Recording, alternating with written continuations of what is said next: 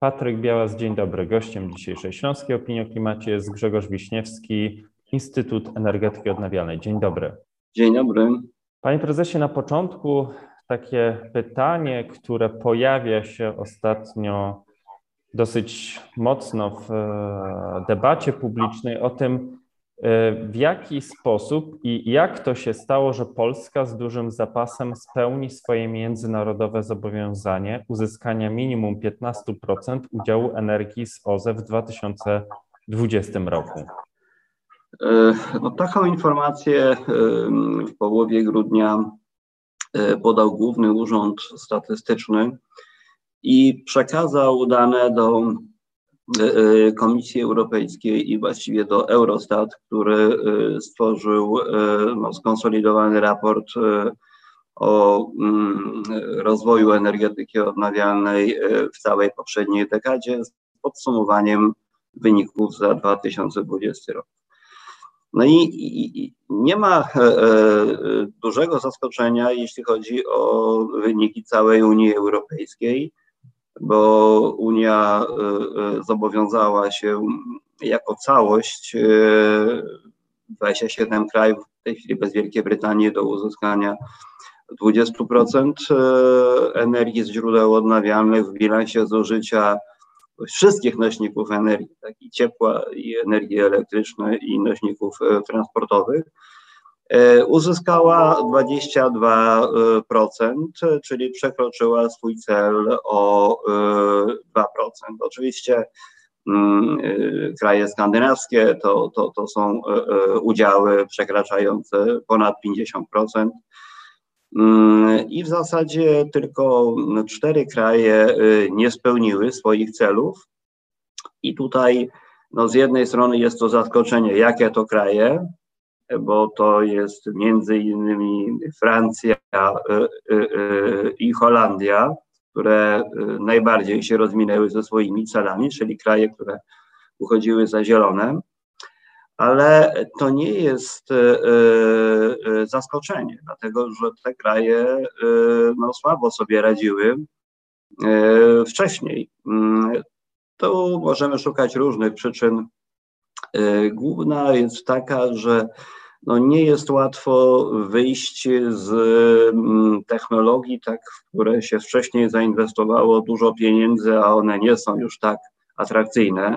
I w takim przypadku jest Francja, dlatego że no, zainwestowała w energetykę jądrową, która jest za droga, żeby ją odbudować i generalnie ma niskie y, emisje, ale bardzo ciężko do takiego, do takiego y, systemu dodaje się odnawialne źródła energii a drugi kraj to Holandia, y, y, która y, no jest krajem o dość gęstej,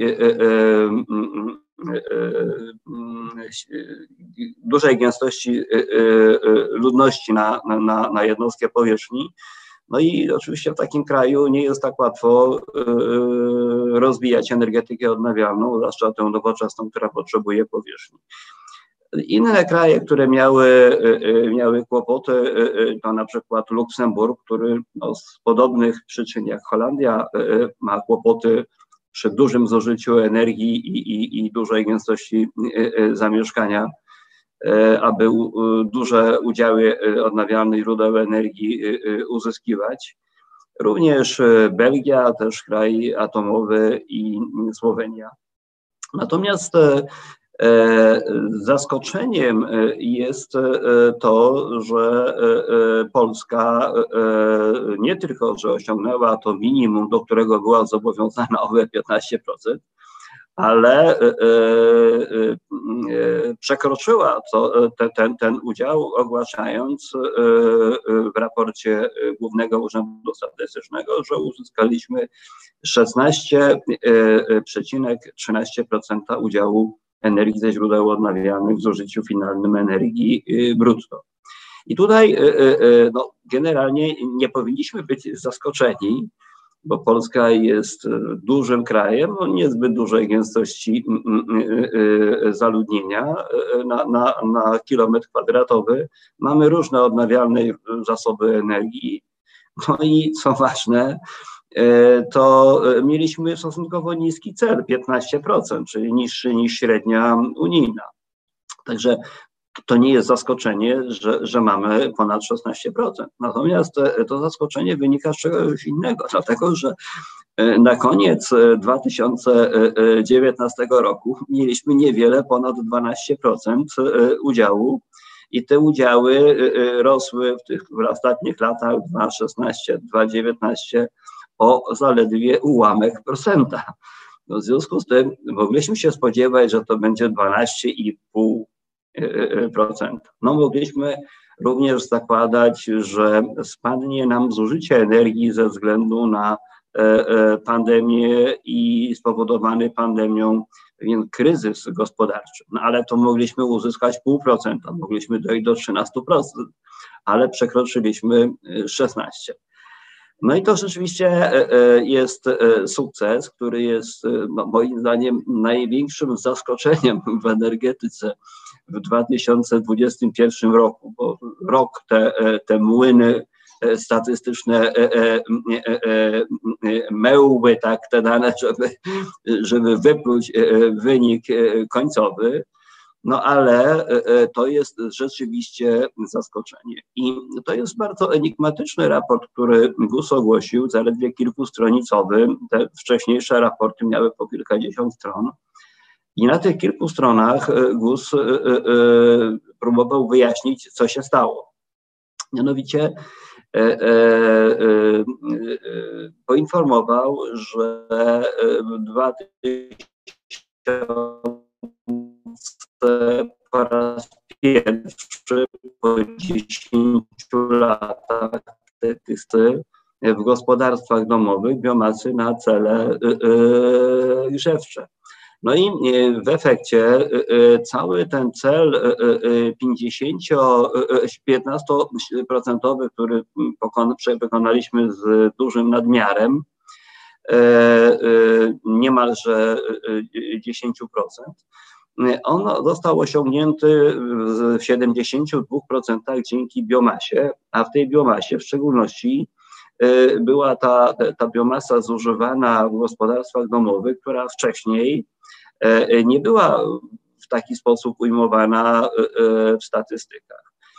I, generalnie uważam, że, że statystyki no, powinny wykazywać zużycie odnawialnych zasobów energii i, i również biomasy, w szczególności drewna opałowego, no bo to, to byłoby no, wielkim błędem i byłoby ze stratą dla, dla kraju, gdybyśmy tego nie policzyli.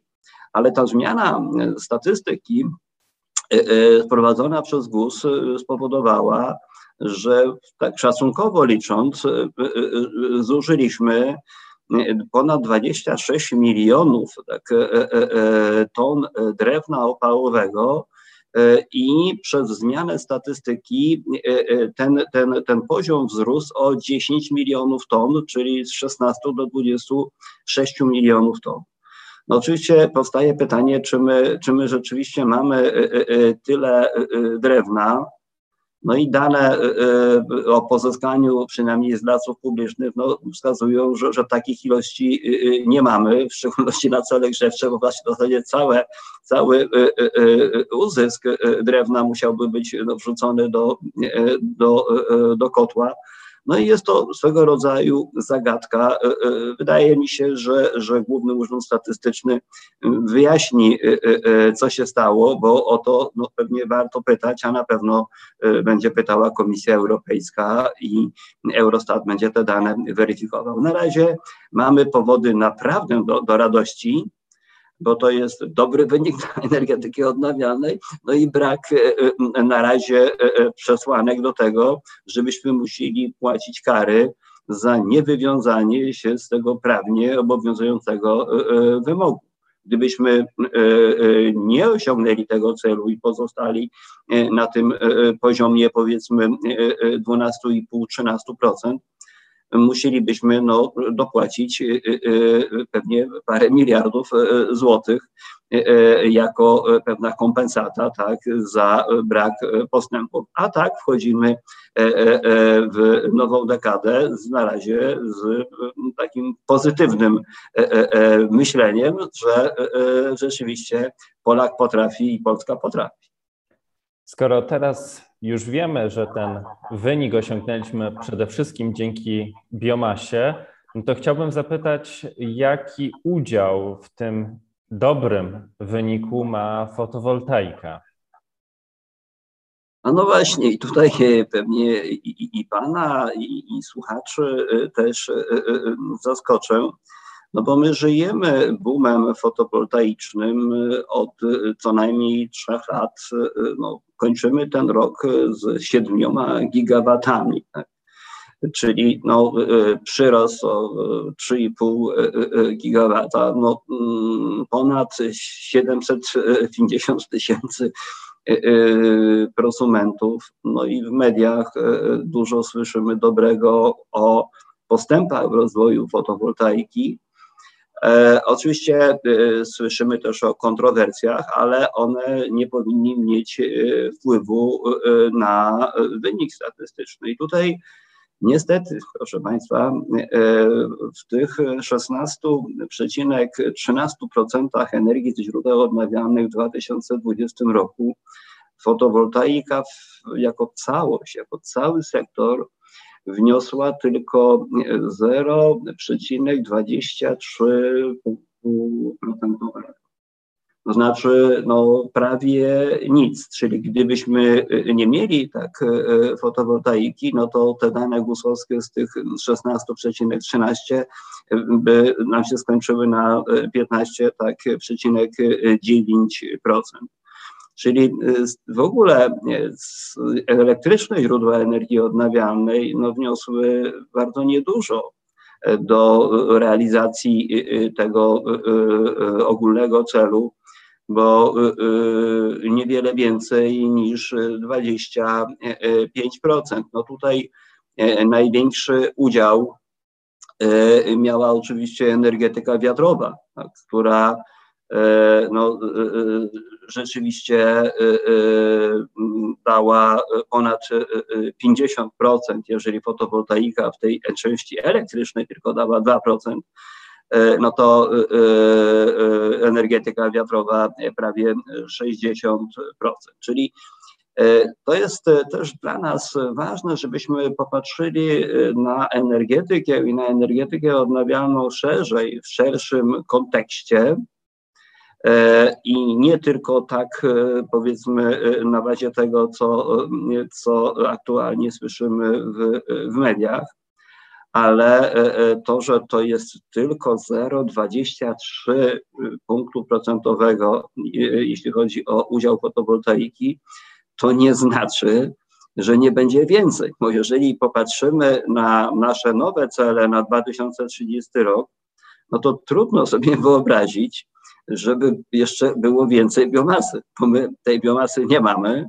E, po drugie, e, e, Unia Europejska uszczelnia systemy statystyczne i ogranicza wykorzystanie tak, zwanego, tak zwanej biomasy niezrównoważonej środowiskowo, czyli tak naprawdę to ten ułamek procenta, tak, który wnieśliśmy do celu jako, jako fotowoltaika, jako branża fotowoltaiczna, z którą jestem związany, to to jest dopiero zaczyn pod e, e, kolejne e, sukcesy, ale jest to też olbrzymie wyzwanie, żeby do polskiego nieelastycznego systemu energetycznego wprowadzać duże ilości fotowoltaiki, no bo my mamy 7 gigawatów, tak? Nasi sąsiedzi Niemcy mają 70 gigawatów, a chcą za 10 lat mieć 200 gigawatów. I, I y, wtedy rzeczywiście fotowoltaika w takich, y, przy takich liczbach wnosiłaby by y, bardzo dużo, nie tylko mocy, tak, ale i energii, no ale to wymaga odpowiednich działań i to nie jest wcale proste zadanie, jest to duże wyzwanie dla całego systemu elektroenergetycznego i dla fotowoltaiki. No i teraz właśnie nadszedł, myślę, czas na kolejne. Tak? Nie słyszałem pytania, bo, bo, bo gdzieś tam głos. E, teraz e, nadszedł czas na kolejne pytanie, a mianowicie e, również media obiegło w ostatnim czasie, obiegła informacja o tym, że 16 grudnia podpisano porozumienie o współpracy na rzecz rozwoju sektora fotowoltaiki. Co to jest za porozumienie i dlaczego to porozumienie ma takie kluczowe znaczenie dla rozwoju branży w Polsce?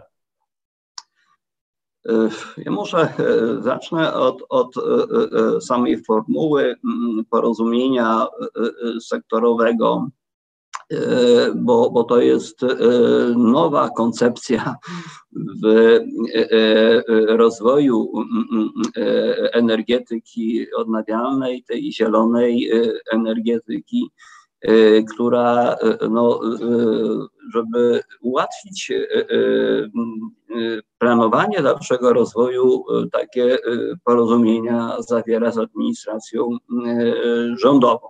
Bo na razie słyszeliśmy tylko o porozumieniu rządu z branżą górniczą. E, e, no i to, to, to jest mega tak, porozumienie, które oznacza dla nas e, miliardowe tak, koszty. E, natomiast e, e, te porozumienia sektorowe podpisywane w energetyce odnawialnej to jest trochę inna koncepcja w energetyce odnawialnej niż, niż te, porozumienia węglowe, gdyż w energetyce odnawialnej raczej nie mamy tak związków tak zawodowych, mamy no, rozproszony sektor i to jest inna formuła. Skąd to się wzięło? E, tak naprawdę przyczyn e, e, i źródeł takich porozumień należy szukać w Europejskim Zielonym Ładzie. Bo jak on został ogłoszony w drugiej połowie 2019 roku, tam pojawił się taki zapis, że aby wzmocnić rozwój zielonej energii, będą zawierane tak zwane porozumienia sektorowe, sector deals, i, ta, I tam jako pierwszy przykładowy był wymieniony e, e, e, offshore Green Deal, czyli takie porozumienie z, z branżą morskiej, tak energetyki wiatrowej. Potem na poziomie Unii Europejskiej pojawiły się koncepcje kolejnych porozumień, między innymi wodorowego i właśnie fotowoltaicznego, ale one jeszcze pomiędzy przemysłem a Komisją Europejską nie zostały podpisane. To porozumienie z branżą morskiej energetyki wiatrowej e, e, zakończyło się e, przyjęciem tak zwanej strategii morskiej energetyki wiatrowej na poziomie europejskim. No i w tym duchu idzie również to porozumienie wodorowe. Natomiast jeśli chodzi o e, działania na poziomie kraju, to tutaj liderem e, e, jest Wielka Brytania, która funkcjonuje trochę po, poza Unią Europejską, ale rzeczywiście jako pierwsza podpisała też porozumienie sektorowe w zakresie morskiej energetyki wiatrowej. I ta idea również przeszła do Polski. Zostały podpisane w sumie cztery porozumienia w ciągu ostatnich e, e, kilku miesięcy. E, pierwszym było właśnie porozumienie dotyczące morskiej energetyki wiatrowej, potem porozumienie wodorowe, potem porozumienie biogazowe i dopiero teraz jako, jako zwieńczenie tych działań koordynowanych na poziomie rządu przez Ministerstwo Klimatu i Środowiska zostało podpisane porozumienie w zakresie fotowoltaiki z branżą fotowoltaiczną. No i e, co w tym porozumieniu jest, bo pewnie do tego, do tego zmierzamy. Więc to porozumienie e, e, obejmuje po pierwsze pewną diagnozę stanu dla, na, na rzecz stanu rozwoju fotowoltaiki i, I, tam są cztery główne obszary. E, e, pierwszy, najważniejszy e, to jest rozwój krajowego przemysłu produkcji urządzeń fotowoltaicznych i wzrost local content. Przyznam, że, że kierowałem pracami bardzo ciekawej grupy polskiego przemysłu, które który tę część wypracował. Również obszarem, którym dużo poświęciliśmy czasu jest rozwój nowych segmentów fotowoltaiki, E, typu integracja fotowoltaiki z innymi odnawialnymi źródłami energii, typu energetyka wiatrowa, bo one się uzupełniają, czy, czy e, e, integracja z siecią, wprowadzanie magazynów energii, agrofotowoltaika, czy, czy inteligentne zastosowania technologii fotowoltaicznych w budownictwie, w transporcie itd. Jedna e, z grup e, pracowała nad e, identyfikacją barier w rozwoju fotowoltaiki. Tych barier przybywa bardzo szybko. Najważniejszą w tej chwili jest integracja tych źródeł z siecią. No i kolejna grupa pracowała nad działaniami edukacyjnymi i promocyjnymi.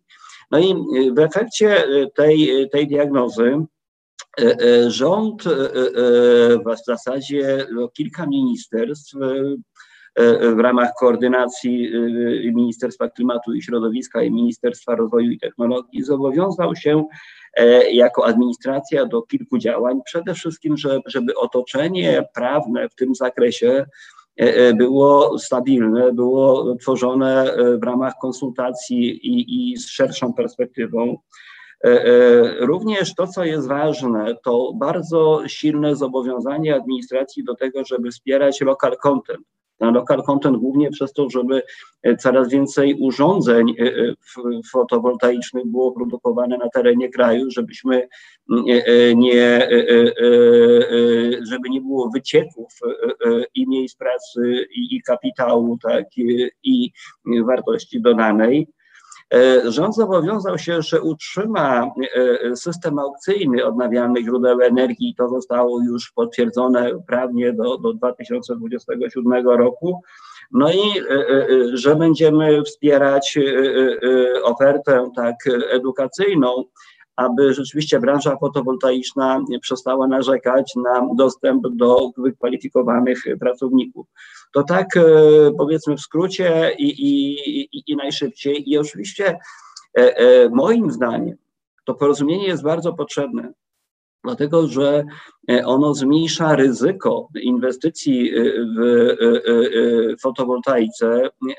Ta, to, to ryzyko przekłada się między innymi na wzrost kosztów kapitału, a, a w fotowoltaice, jeżeli na przykład koszty kredytu tak rosną o 2%, to cena energii o 8%. To znaczy, że, że jeżeli my mamy porozumienie, jeżeli ufamy sobie, to na pewno powinny spaść e, koszty e, e, kapitału. Nie jest to, co prawda, ustawa, nie jest to rozporządzenie, ale jest pewien parasol, do, do, do, działań, y, y, które w różnych segmentach fotowoltaiki y, mogą przynieść korzyści. Nad wdrożeniem tego porozumienia będzie czuwała Rada Koordynacyjna, która w tych segmentach, o których mówiłem, będzie no, szukała rozwiązań, zarówno jeśli chodzi o instrumenty wsparcia, jak i zwiększenie możliwości przyłączania do sieci.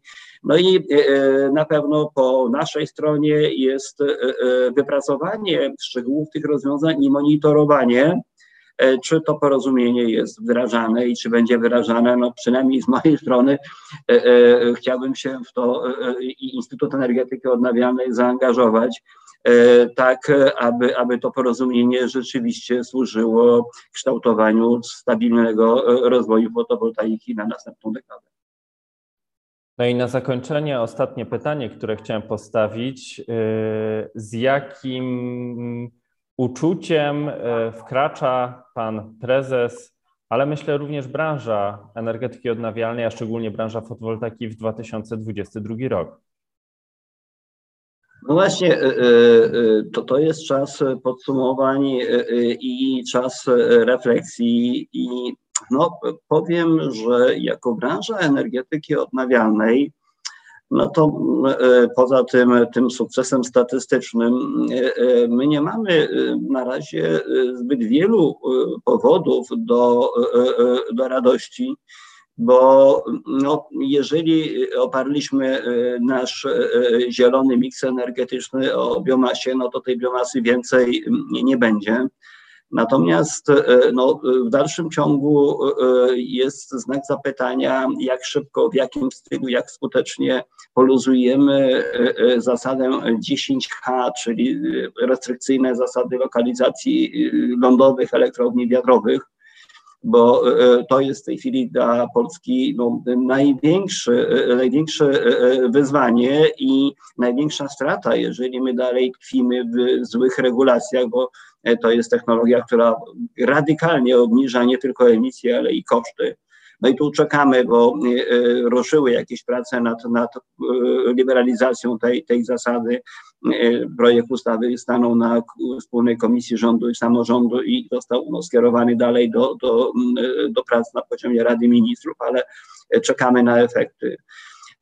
Ten nasz największy sukces ostatnich lat, fotowoltaika, wymaga no, pewnej redefinicji, bo tymi starymi torami nie uda się e, e, rozwijać, przybywa e, odmów przyłączania do sieci na poziomie farm fotowoltaicznych, coraz częściej zdarzają się wyłączenia instalacji prosumenckich. No, jeszcze nie zbudowaliśmy za dużo nowych fabryk produkujących urządzenia, Czyli tu bardzo liczymy na, na to porozumienie sektorowe, że, że ono jakby utrzyma rozwój fotowoltaiki. My zakładamy, że w 2000, Instytut nasz zakłada, że w 2020-30 roku y, te moce wzrosną z 7 gigawatów do, do, do 27, a może i do 30 i to jest y, wyzwanie y, dla nas. E, e, natomiast e, no, mamy olbrzymie problemy z wykorzystaniem odnawialnych źródeł energii w transporcie, dlatego że mamy zbyt dużo węgla i zbyt drogą energię elektryczną i zbyt dużo emisji związaną z produkcją energii elektrycznej, czyli bardzo powoli będziemy, na razie wprowadzamy elektromobilność, tu po prostu inaczej nie damy rady poprawić sytuacji, jak tylko przez masowane tak inwestycje w energetykę wiatrową, tak i i, i, fotowoltaiczną. Jeśli chodzi o ciepłownictwo, to tutaj nie chodzi o wzrost udziału biomasy, ale przede wszystkim chodzi o to, żeby e, e, ta biomasa zużywana w domach takich jednorodzinnych czy, czy, czy wielorodzinnych E, była e, biomasą czystą i żeby była e, spalana w dedykowanych najwyższej jakości kotłach, bo one potrafią jak najwięcej tej, tej energii wykorzystać, nie powodując dodatkowej emisji pyłu. No i mamy olbrzymi problem, z wprowadzaniem odnawialnych źródeł energii do ciepłownictwa systemowego, tam są największe zapóźnienia. My, jeżeli nie pójdziemy szybko na inwestycje w wykorzystanie niezbilansowanej energii elektrycznej z farm wiatrowych, kolektorów słonecznych, jeżeli nie będziemy budować magazynów ciepła i rozsądnie wprowadzać y, y, y, biomasę, no to zderzymy się jako odbiorcy ciepła z olbrzymimi kosztami. W związku z tym, po pierwsze, chcę powiedzieć, że fotowoltaika i energetyka słoneczna i odnawialna rozwiążą szereg problemów, które my mamy. One nie są problemem, tylko są sposobem rozwiązania problemów, ale z drugiej strony nie mamy jasnej strategii energetycznej, e, e, bo e, polityka energetyczna no, w zasadzie zamraża rozwój odnawialnych źródeł energii poza morską energetyką wiatrową, która będzie dopiero w drugiej połowie obecnej dekady.